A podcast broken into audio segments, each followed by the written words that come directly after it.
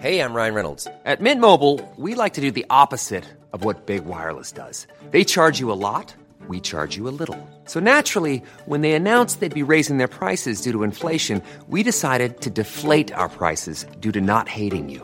That's right. We're cutting the price of Mint Unlimited from $30 a month to just $15 a month. Give it a try at mintmobile.com slash switch. $45 upfront for three months plus taxes and fees. Promo rate for new customers for limited time. Unlimited more than 40 gigabytes per month. Slows. Full terms at mintmobile.com.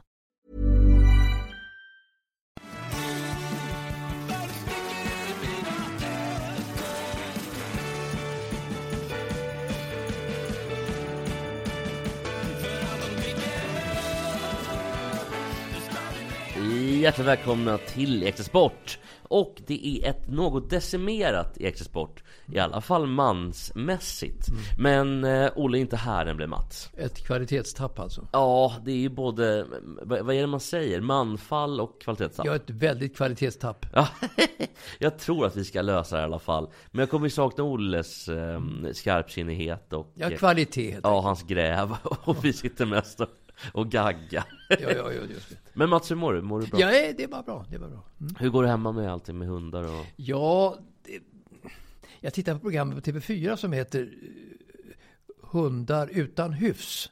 eh, Som går på S, eh, TV4 Play. Och där får man ju veta mycket om vad man kan göra med hundar som inte har något hyfs överhuvudtaget. Är det Manfredrik Sten? eller? Nej, nej, det här är ett engelskt program. Eh, Så, att, så att eh, jag lär mig mycket om det. Alltså hundar som beter sig så på ett oönskat sätt. Och vad gör man med dem? Va? Ja, vad gör man med dem? Skjuter man av dem eller vad? Jag vet inte vad man gör. Men du får lära dig på hundar utan Jag hyfs. försöker lära mig, men jag vet inte hur man gör. Någon som, några som inte haft hyfs tydligen är klubben Osasuna. Jag vet inte om du har läst det Mats, men eh, klubben Osasuna kommer från Pamplona Ja. som är eh, lite nära Basken uppe i norra eh, Spanien då. Och eh, Osasuna har eh, blivit anklagade för eh, matchfixning. Jaha. De är förmodligen, om jag fattar rätt, dömda för det här. Oj. Men det jag tänkte fråga dig var att matchfixingen var ju mellan 2012 och 2014 Och det är tidigare högt uppsatta tjänstemän inom klubben Och jag tänker, det är tio år sedan, nu har de blivit portade från Europa Conference League Ska man verkligen kunna bli portad tio år senare för någonting som enskilda tjänstemän gjort? Känns det inte lite Alltså, ruttet? matchfixning är ju en allvarlig sak. Det jag känner till är Kvarnbyfallet nere i, tror jag, i Skåne. För ett antal år sedan. När målvakten släppte in ett stort antal mål för Kvarnby.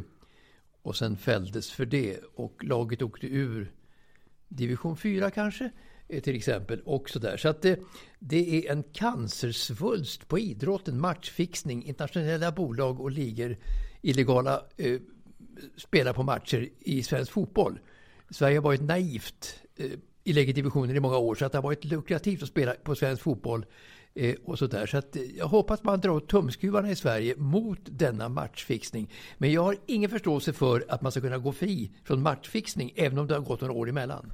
Nej jag förstår, eh, jag känner ju folk uppe på, på landet då, som, som man kallar det för i, i Alfta-trakten Nu var det i och för sig inte Alfta GIF då, som de heter, eller vad fan de heter men Utan det var en annan klubb men i fyran eller femman, där har det förekommit matchfixning Ja, det, det, det, På grund av eh, spel, som säger Ja. ett, Väldigt lukrativt att, att spela Ja, på absolut. division 4 och så. Eh, att det finns ju alltid tjänar pengar på, på ill- illegalt spel och så vidare. Och matchfixning är ju som jag säger, det är ett otroligt... Jag tror inte man får spela på division 4 längre Nej, eh, nu läser man ganska lite om matchfixning i Sverige, märkligt nog, fast det förekommer. Åtvidaberg var utsatt under lång tid för matchfixning. Hade kopplingar till utländska bolag och sånt där. Men det skrevs ganska lite om det faktiskt, eh, tycker jag. För att det borde verkligen, verkligen beivras. En match mellan Göteborg och AIK för några år sedan stoppades ju för att det var misstänkt matchfixning eh, i den matchen. Så att det, det har pågått i många år och Sverige är en stor aktör i sammanhanget. Mm, ja, det, det, Sverige är ju en, ett eh, väldigt eh, land och, Och spelare. naivt, naivt också. Ja, Men eh, Svenska Spel har väl ändå en egen, till exempel, eller alla spelbolag har ju eh, folk som jobbar med att eh, upptäcka det här. För de, de Ja. märker stora strömningar från Asien och sådär. Och Fotbollförbundet har, har ju en speciell person som jobbar med det där. Men jag tror ändå att Sverige ligger efter för att vi har haft en sån tillit till medborgarna i Sverige i många år. Så att vi ligger efter utländsk, utländska eh, bolag och utländska ligor i mångt och mycket. Misstänksamheten i Sverige är fortfarande ganska låg jämfört med, med, med till exempel då i Spanien. Ja, eh, å andra sidan så har det ju varit lite grann även i Italien har man till och med har fixat matcher med hjälp av domare och som i Juventus Alltså Italien är ju ökänt för, sin, för sin moral, det är det verkligen. Och, och sin, också tydligen. Alltså fotbollsmoralen i Italien är ju världsökänt verkligen. Den är jättelåg. Men varför, var, jag tänker ändå så här, tio år, är inte det, ska man inte kunna få gå fri då? då? Nej, jag, jag tycker inte det. Utan det, det är rätt att, eh, att fimpa Osasuna från... Ja, det, det tycker jag. Man ska inte komma undan med sådana citatbrott. Nej. Bara för att tiden har gått. Nej, men då portar vi Osasuna helt enkelt. Och eh, går vidare till en annan nyhet. Det, det är två egentligen fotbollsnyheter. Och eh, kan du gissa vem som ska ta över Brasilien? Det är eh, eh Ancelotti. Yes. Han ska ta över nästa sommar då. Du gillar Ancelotti, tror jag. Jag gillar Ancelotti jättemycket. Eh, vilket jag gör kanske mindre, lite grann. Eh, han verkar ju väldigt, väldigt, eh, alltså man ser honom på sidlinjen i Real Madrid så verkar han väldigt nästan för avspänd i min mm. värld på något sätt. Alltså, för att inte säga slö. Ja, men jag fattar vad du menar. Så jag brukar säga så här, när jag tittar på fotboll med Marie här, är han lika slö hemma? Med frun det som han är vid sidan Madrid. Är det ännu slöare hemma? Och det, det tror jag. Diskar han hemma? Städar han hemma? Gör han det? Gör han någon nytta hemma? Nej, brukar, brukar jag säga. Nej, nej. Han har väl inte gjort ett handtag någon Nej, så är det. Och det, framförallt tror jag hans fru gör nog inte heller utan de har nog någon som är ja, vad härligt. Så, så ska det låta. Jag tror de ligger mest och tittar på TV. Hemhjälp helt enkelt. Jag tror de har hemhjälp, flera stycken också. Men eh, jag, jag tänker på Ancelotti. Jo, men han har ju om man tittar på meriten de sista 20 åren så är ju han bäst. Alltså, jag, jag säger ingenting om Ancelottis tidigare eh, liv och leverne i fotbollsvärlden. Det gör jag inte för att han har varit en jättestorhet. Men han verkar lite passé nu. Om man ser på killen hur han vankar av och an. Han verkar inte bry sig riktigt tycker jag. Alltså många... Eh, du, du har ju gode gud massor av coacher som är eh, topptunnor. Jag menar Torshäll och, och, och, så vidare. Och, och, och, och vad heter han? Eh, Jürgen Klopp, eh, som jag har följt väldigt noga. Jürgen Klopp är ju otroligt engagerad vid sidlinjen och hans lärjunge är ju Tuchel. De båda börjar ju i Mainz, då som mittfältare båda två faktiskt. Spelar de tillsammans? Nej, de gjorde, inte, de gjorde inte det. Utan var Tuchel är tio år yngre, eller i alla fall ja, fem nästan år yngre? tio år yngre. Alltså Tuchel är äldre än vad man tror. Han är 49 år tror jag.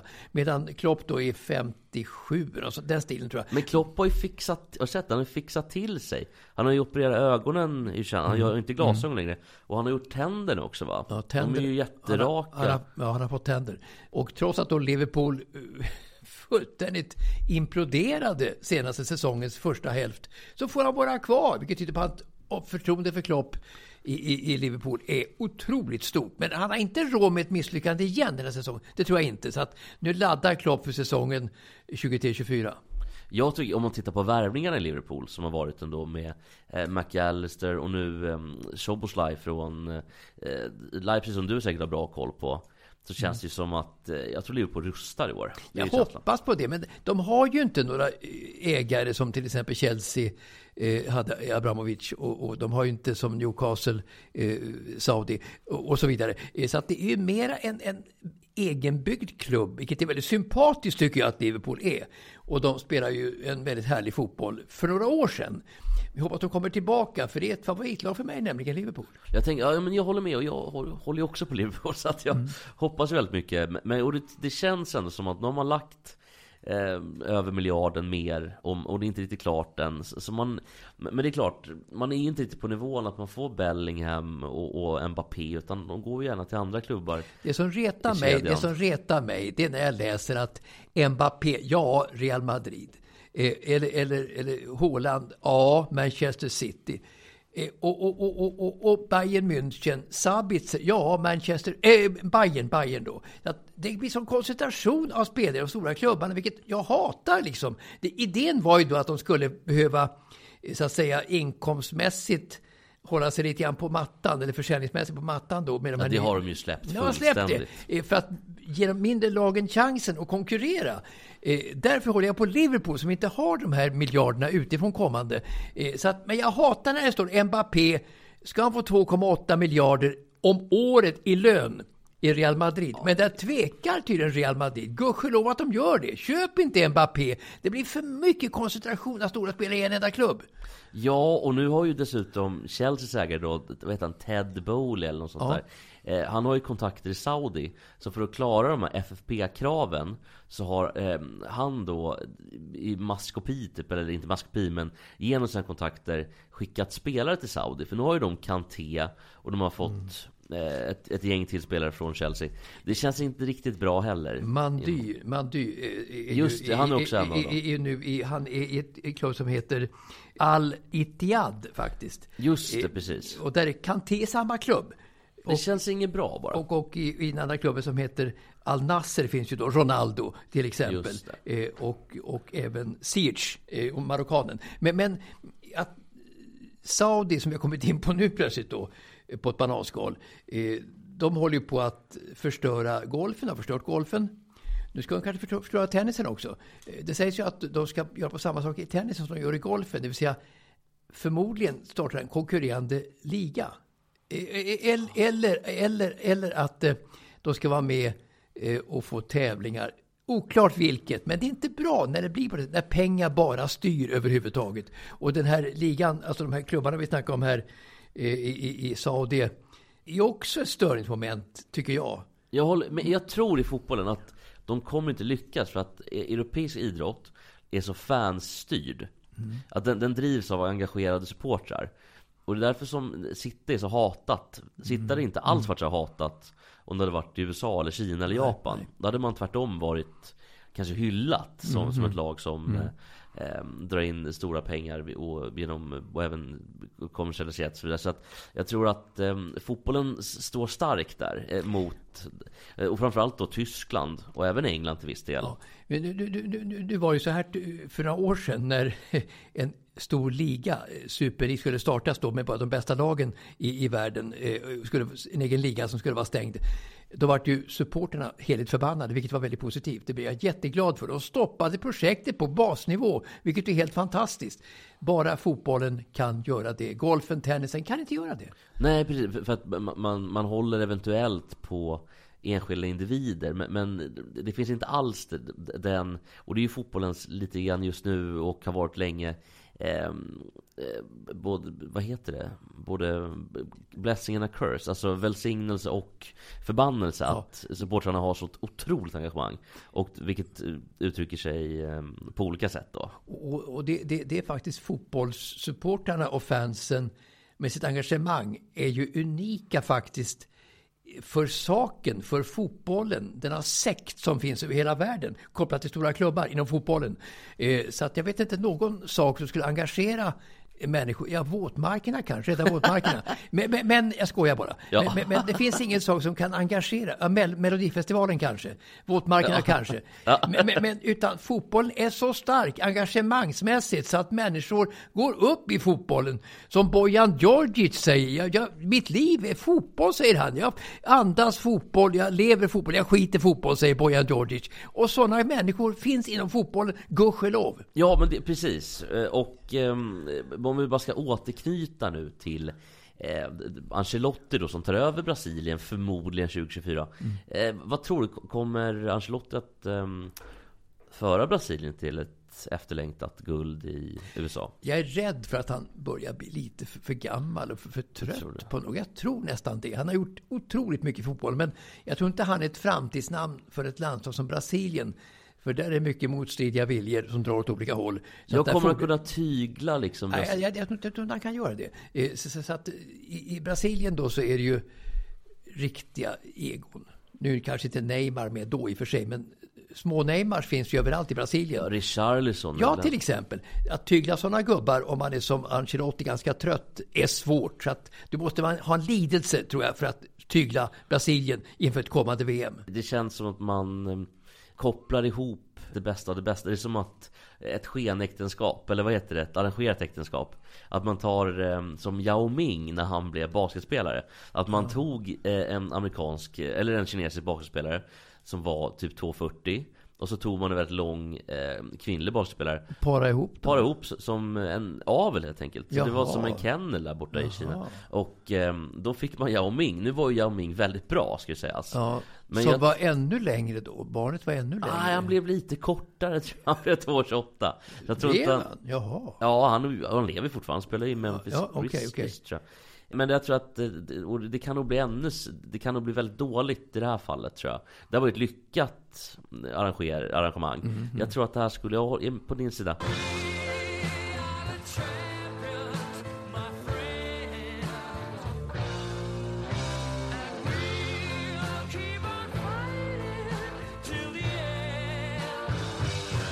Men det har hänt en annan grej också. Eh, Och det är att det är en ny tränare i klubben Forest Green Rovers Kan du gissa vad som är så speciellt med Forest Green Rovers? Ja, då får jag verkligen fundera. Det, tar, det kommer ta tid. Det kommer ta tid. Det kommer att Ja, ja. Det är en, en kvinnlig tränare som tar över en klubb Ja, ja, ja det, det läste jag om. Det läste jag om. Den första någonsin som är manager för ett lag i det seriesystemet överhuvudtaget. Exakt, i, då, det, precis det engelska ligasystemet. Så att. För förut har det varit så här Det heter väl Premier Blue och sånt där. Mm. Men, men i det här, ehm, nu är det ju, vad är det, League 2, League 1. Jag, jag kan ja. inte hela de där turerna. Men, men det är väldigt kul i alla fall. Mm. Men den här Forest Green, och man hade ju gärna eh, velat ta med sig Olle här. För att han Mm. hade ju ondgjort sig ännu mer än vad, vad du och jag gör tror jag. ja, Eh. skulle han göra det ondgjort sig över över en kvinnlig eh, manager? Nej, inte det tror jag. Nej.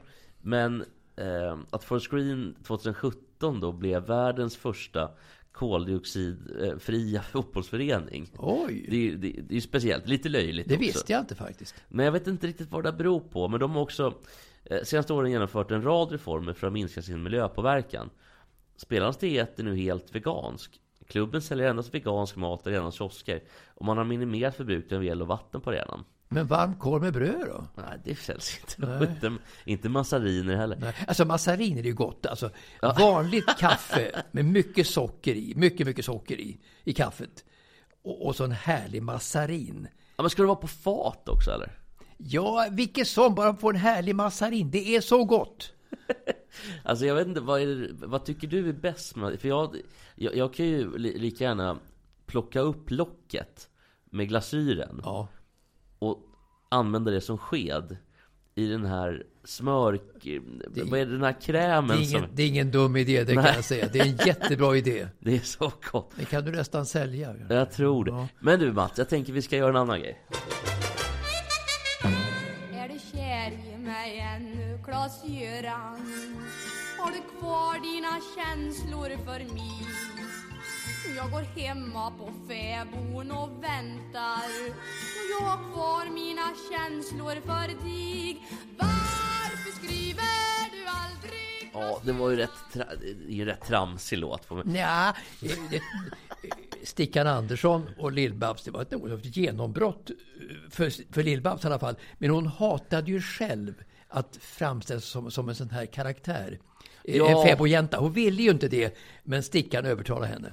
Precis, jag tror att det var väl också lite den här den drömmen om den svenska eh, la, lantlollan någonstans. Ja, den sitter ju djupt. Den finns fortfarande i Sverige. Ja, Alltså, verkligen. drömmen om landsbygden, dram, drömmen om fäbodvallen finns ju starkt i svenska Ja, själen. och, och det u- uttrycktes i den här filmen som kom sen också, Fäbodjäntan. så Och, och den blev ju internationellt stor. Men, men ja, anledningen till att jag spelade den här var att det är ju lite så här, tycker du om mig verkligen? Eller liksom, gillar du inte mig? Liksom så. Och jag tänkte att nu har vi ändå poddat ihop snart i, det är snart två års tid. Är det så länge? Ja, och vi har ju väldigt roligt så här. Ja. Men jag måste fråga, vad tycker du om de här eh, episoderna? Alltså jag, jag, jag tycker ju att uh, snacka om sport, om tar själva ämnet, tycker jag om att göra faktiskt. Det gör jag. Eh, jag har alltid varit sportintresserad eh, och jag vill gärna prata om sådana här saker och jag följer väldigt mycket med också. Jag hoppas i alla fall inom sportens värld. Eh, även nu. Så att eh, jag pratar om det. Men eh, prata med er är toppen. Det finns ingen, inget moln på himlen. Det är klarblå himmel, solen skiner, så är det. Men många ska veta, eh, jag får ju mycket eh, Folk skriver på DM och eh, även folk som är 19-20 en, Jag har en kille i bowlingen som är 15 Hoppsan. Han lyssnar på oss och han älskar Mats Sandberg säger han Hoppsan, hoppsan. Ja. Så, så du, det känns faktiskt som att du har fått det, det är liksom det jag är mest stolt över den här podden. Alltså jag har ju varit, eh, inte illa sedd kanske, men nerdragen i smutsen utav mina tidigare kollegor Åke Strömmer, Bosse Gensel, Tommy Engstrand. De hatade att jag fick beröm överhuvudtaget. Jag blev så stoppad under många år, framförallt av Tommy Engstrand, innan Engstrand gick till TV sen och försvann ifrån arenan, vilket jag applåderade. Nu är Tommy död också dessutom. Åke Strömmer är också död, Bosse Gensel är också död. Så att eh, i mitt fall så kan jag väl säga så här att jag har kommit upp som en skinande sol eh, de senaste åren efter att ha haft mycket eh, obehagligheter på radion i många år med nämnda personer. Ja, och tänk på att de ligger ju six feet under, alltså sex fot under jorden. Och du är ju i full blom. Ja, men det gör inget att de är sex, sex feet under. Nej. Det kanske, kanske, kanske ännu längre ner. Men, vi, men, men, vi, vi, har ju bränt broarna med, med Peter Gensel, så kan man säga. Alltså, ja. handbollsligans VD, de ja. är ju brända för ja, länge sedan. Alltså. Han är ju sonen till Bosse då naturligtvis. Ja. Alltså, jag kände ju Bosse i många år. Men, men vi hade lite svårt för varandra. Kanske inte riktigt så kan jag säga nu i efterhand. Men Åke Strömmer tyckte så illa om mig. Om någon berömde mig ute på stan när han var närvarande så tyckte han att eh, det var botten att jag fick beröm faktiskt. Han undrade inte mig en sekund beröm. Och Tommy Engström var ännu värre faktiskt. Gud vilka otrevliga. Ja! Ja men då vet vi det. Då ska vi eh, gå vidare helt enkelt.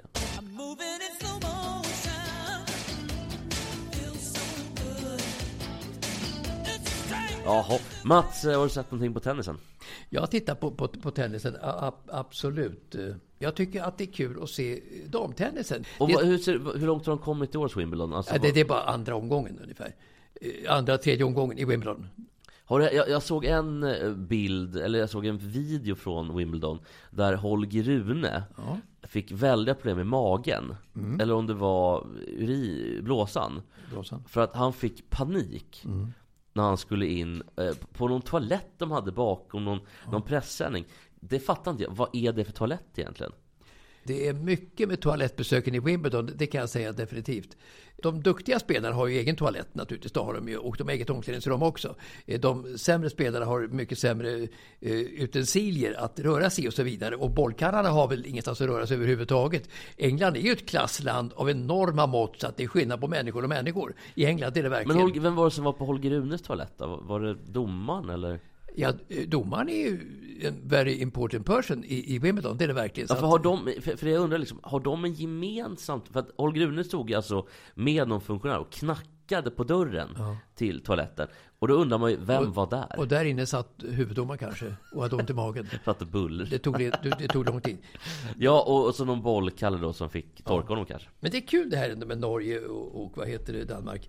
Eh, nummer sex är faktiskt Holger Rune sidad i år i Wimbledon. Han är 20 år gammal bara och har kommit fram som en komet och han är lite grann som våran Gio Wallner fast i tennis faktiskt. Han är en, ett bollgeni.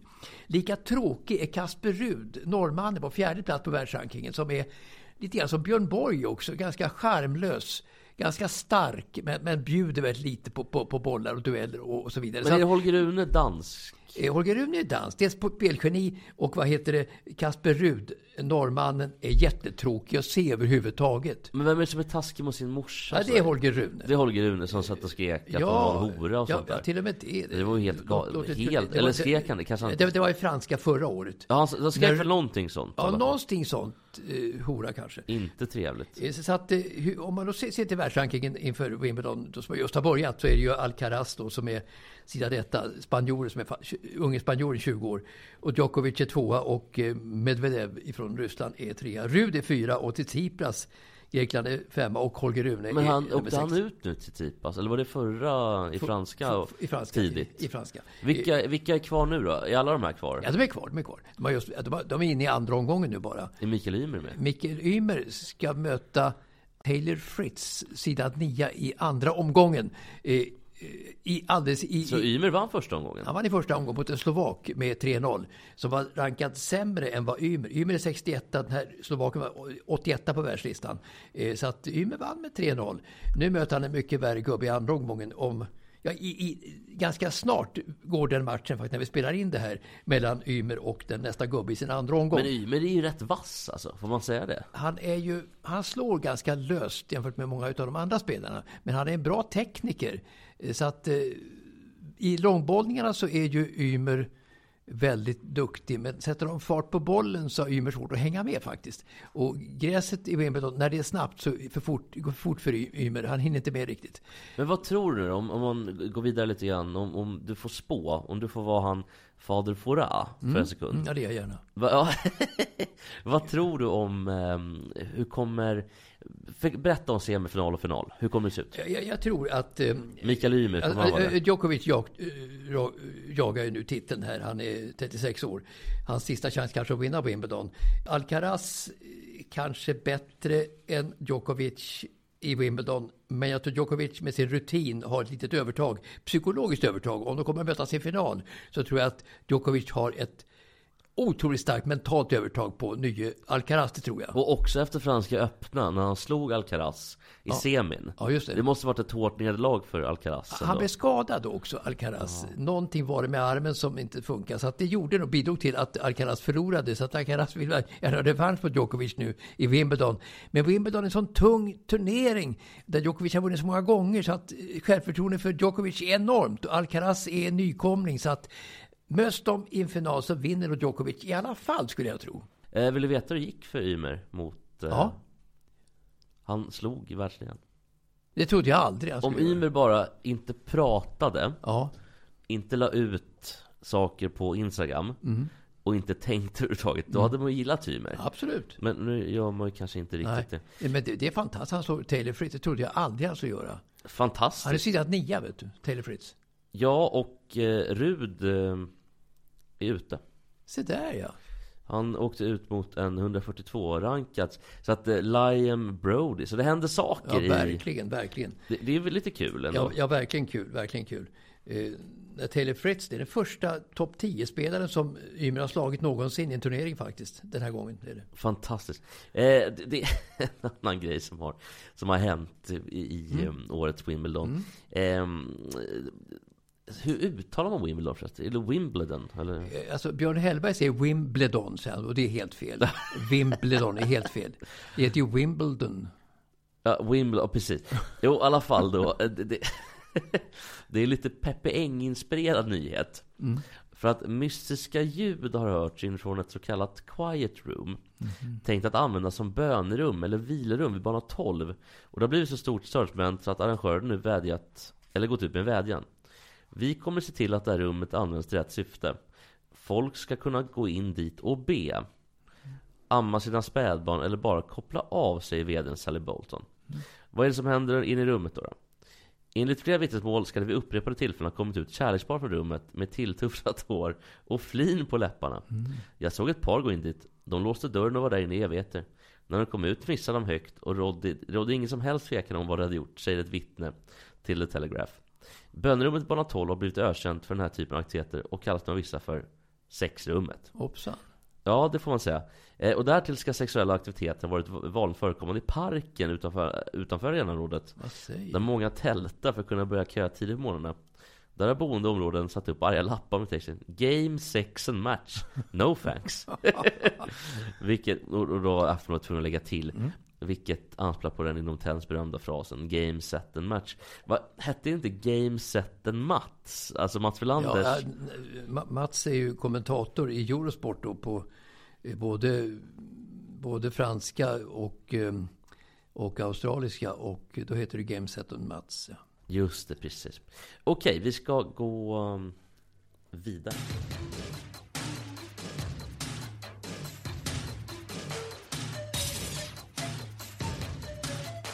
Ja, det var Kelloggins lite märkliga video. Eh, när det är ett kvinnligt volleybolllag som möter ett manligt volleyboll, eh, volleybollslag. Eh, och eh, anledningen till att jag tog upp det var för att jag vill prata volleyboll. Har du hängt med på, på Ja? Go- Golden League ja. ja, Eh, de har gått till final. lyckas väldigt bra därför att de stod i Belgien faktiskt i semifinal i, i veckan här och de är i final. Så att det är ju helt fantastiskt.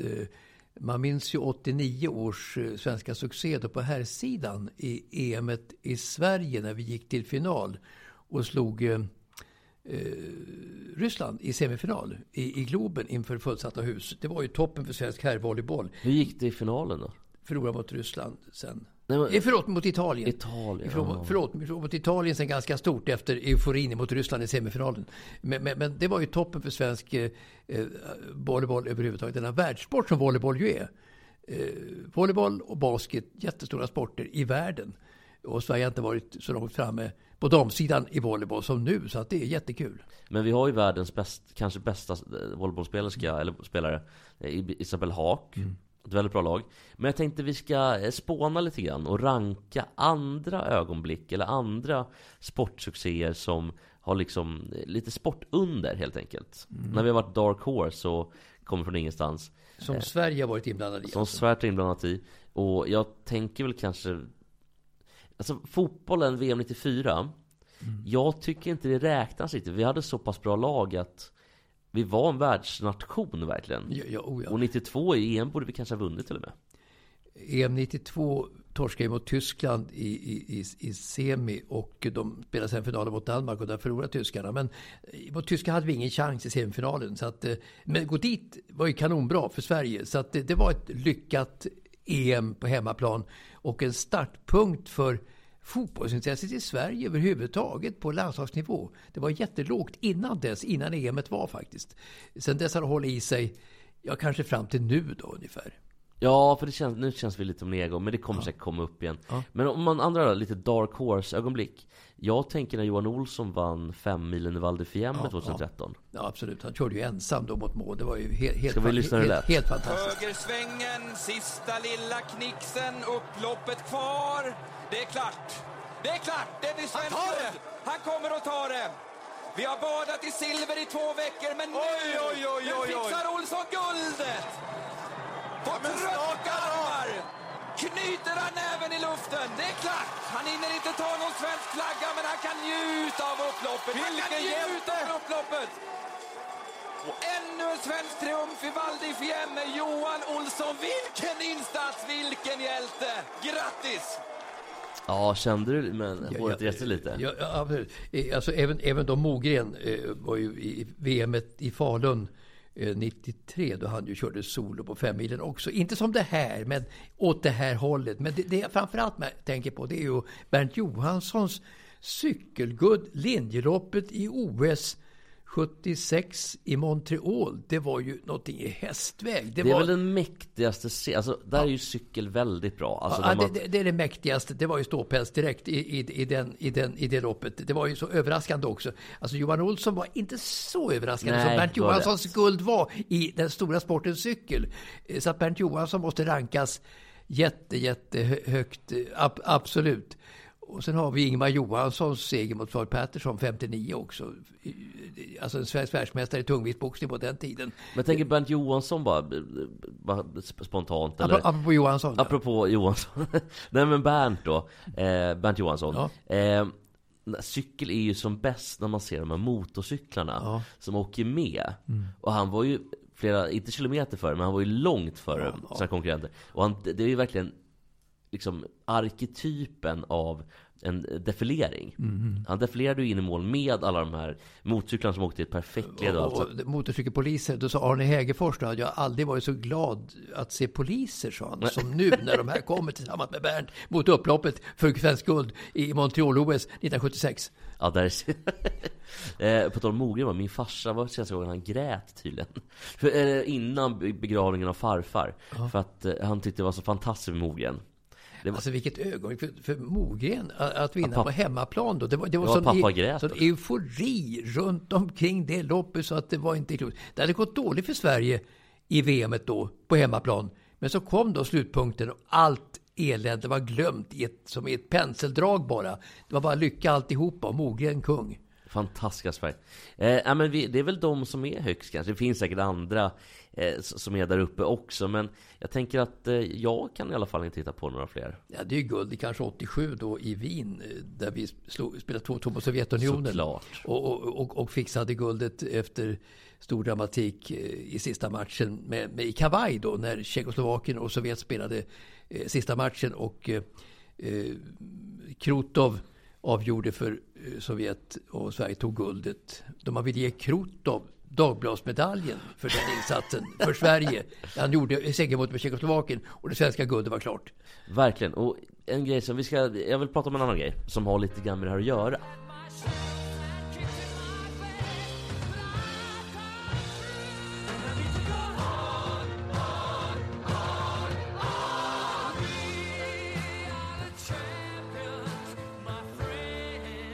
Ja, det jag vill prata om egentligen är ju eh, bristen på Champions i Sverige. Och min känsla, det är kanske bara jag som känner så, men det var länge sedan nu vi fick fram ett, för det första en riktig världsstjärna som är helt överlägsen i sin sport och en stor sport. Och de här svenska, alltså magiska idrottsögonblicken.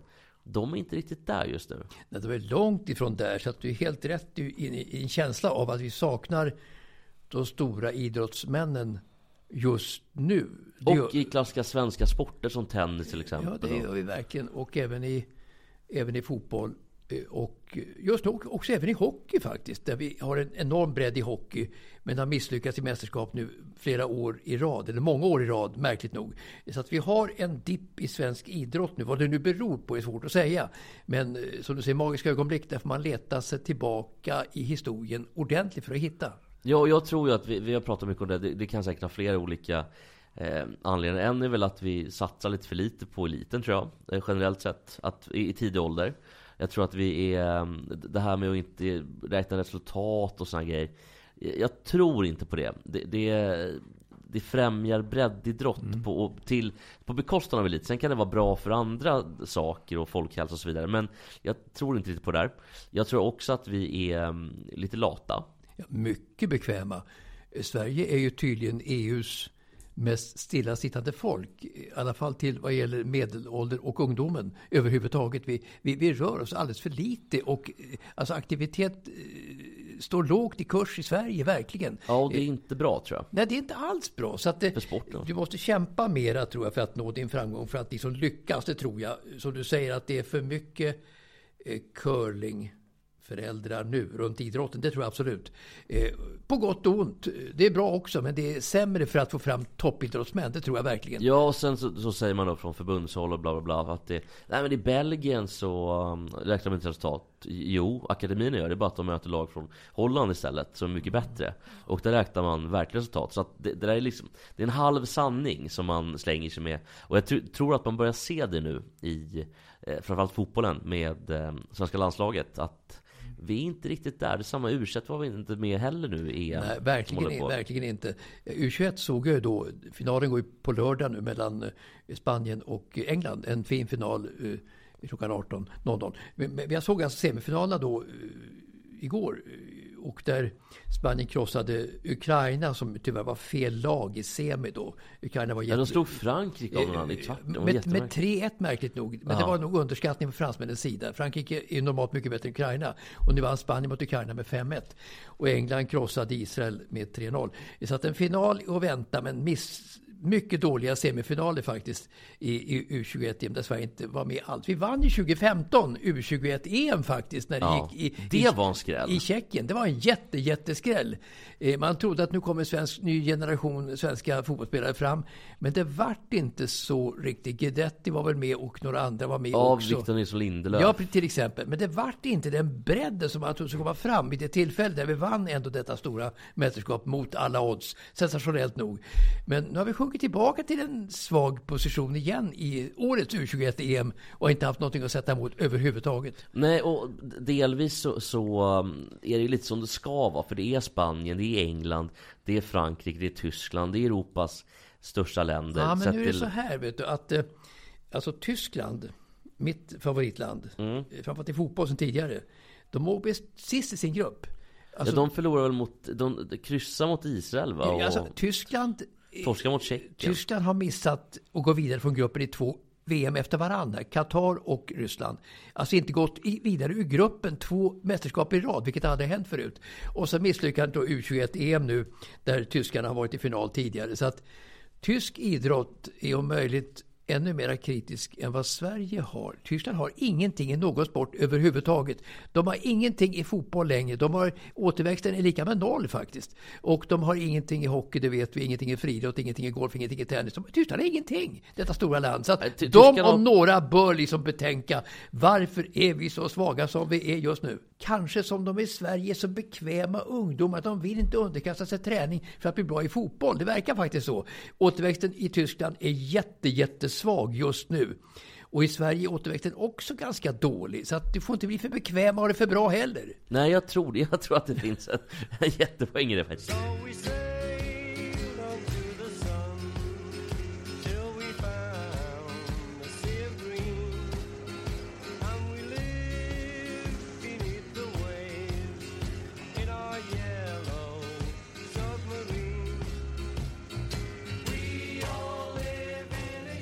Fan vilken tramsig låt det där ja. Men jag tänkte Yellow som är gula bollar.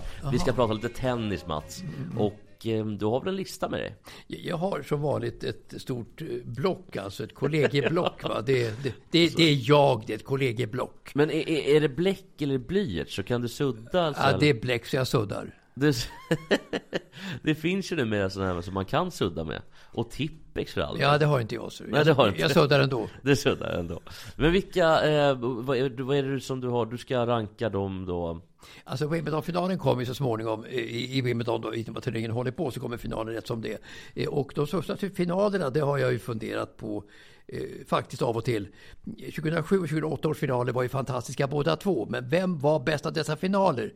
Vi pratade med Villander en gång om det och han sa att 2007 års final var den allra bästa någonsin i historien i Wimbledon. Och jag håller faktiskt med honom. Då vann ju Federer mot Nadal med 3-2 i set, 6-2 i femte. Eh, 2008 års final var kanske ännu mer dramatisk eh, mellan Nadal och Federer igen då. Eh, dock inte lika fantastiska bollar tycker jag som i 2007 års final, men det var mer spännande. Det blev, det blev mm, 9-7 till eh, till Nadal i, i femte och avgörande set. Nadal vann alltså Wimbledon för första gången 2008. Är det enda gången också? Eller har han vunnit Han, han, har, alltså? han har vunnit sen också. Men, men, men Federer, som nu har lagt av, la ju av i september förra året, har ju varit fantastisk i Wimbledon och kommer att saknas enormt i Wimbledon i anno 2023. Den saken är klar. Och Nadal också givetvis. Ingen är ju med i år utav dessa två stora. Men är Djokovic nu bäst i världen någonsin? Ja, det är han ju. Det är han ju.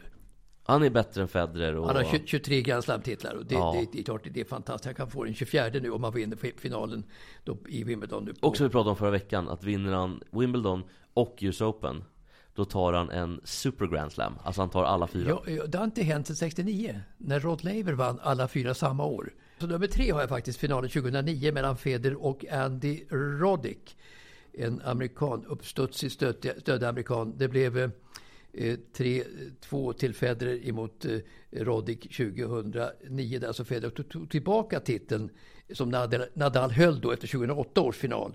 Eh, så att det blev eh, fantastiskt spännande match 2009. Och sen för, på fjärde plats tycker jag att Borg mot eh, McEnroe kommer, som ju gäller som var en fantastisk final 1980. Men tittar man på boll för boll så var det inte någon märkvärdig final, men spännande. Men hade de inte Det var väl så här träracketar och de var jättesmå och... Alltså det, det, det, det är en myt att den finalen var så bra, för det var den inte. Alltså 2007-2008 final var mycket, mycket bättre. Då tennisen tog sig till en helt ny nivå. Eh, McEnroe Borg var en ganska medioker historia, men spännande. Men tog den sig, om man tänker med, med dåtidens mått då, hur, hur var, var matchen bäst någonsin? För att det låter ju som att 2007 final kanske är världens bästa match någonsin Ja, det är det. Absolut. Det, det är det bästa man Men, men, men Borg, McEnroe var ju stor för sin tid 1980. Men också lite skimmer och myt kring det. För att båda spelarna var ju sådana mytomspunna karaktärer på sitt sätt. Så att det var mycket personerna i fråga. Karisman kring Borg, karisman kring McEnroe som gjorde matchen så extraordinär. Och mindre faktiskt bollduellerna. Men det som man kommer ihåg, det är fjärde setet mellan Borg Borg och McEnroe 1980 eh, i tiebreak som ju McEnroe vann med 18-16. Sen Borg haft sju stycken matchbollar i hela matchen. Men sen kom Borg tillbaka i femte som han vann då med 8-6 och avgjorde på sin åttonde matchboll totalt i matchen. Och det är då han lägger sig ner på, eller sätt- sätter sig ner på knä va? Ja, visst. Men det är, det är väl ändå ikoniskt, alltså det, att kunna vinna efter att ha haft så många matchbollar. Ja, det, bara Borg kunde hämta sig efter att ha missat sju matchbollar och komma tillbaka femte och vinna matchen. Han var ju orubblig i sin karaktär och orubblig i sitt sätt att slå bort missade bollar och orubblig också i sin vinnarinstinkt. Alltså Borg var så stabil i psyket så att han vann på grund av det. men det måste vara så knäckande för McEnroe McEnroe. Var en konstnärssjäl. Och Borg var ju en stabil vedkubbe. Så att det, det var två totalt olika karaktärer som möttes. Och därav kom ju då eh, skillnaden mellan karaktärerna att göra att mötena blev så intensiva, så spännande, så sevärda mellan dessa två giganter. Och vi, verkligen, och vilken nummer fem på listan? Eh, nummer fem på listan har jag Borg Connors 1977. Eh, det var en, också en bra match för att det är två baslinjespelare som möts på gräs och det var ju kul för att gräset var så snabbt på den tiden så att man var ju van då med serve och volley bara. Men, men då kom ju Borg och Connors två fantastiska spelare och Connors är ju en otrolig publikbehagare av enorma mått med, sin, med sitt artisteri och sådär. Så att där var han ju Borg med 3-1. Som alltså var den Ja. andra segern för Borg i Wimbledons singel. Där 3-1 till Borg. Vilken otroligt bra lista Mats. Jag blev jätteglad när jag hörde den här listan. Mm. Och vi får hoppas på någon liknande historia nu mellan kanske eh, Djokovic och Alcaraz då. Jag hoppas på det också faktiskt. Eh, eh, Det kan ju mycket väl bli så. Det är de två mest sevärda spelarna i världen idag. Det är de två. Ja, det låter utmärkt. Vi har kommit till vägs ände. Tyvärr, det är alltid kul att sitta här. Ja. Men nästa vecka vet jag inte om vi får Olle tillbaka eller om vi kör ensamma igen helt Okej, enkelt. okej. Det får väl bli så. Det Då är- vet vi vad som har hänt i Wimbledon ordentligt Ja, också om en vecka. Och eh, vi går väl ut som vanligt på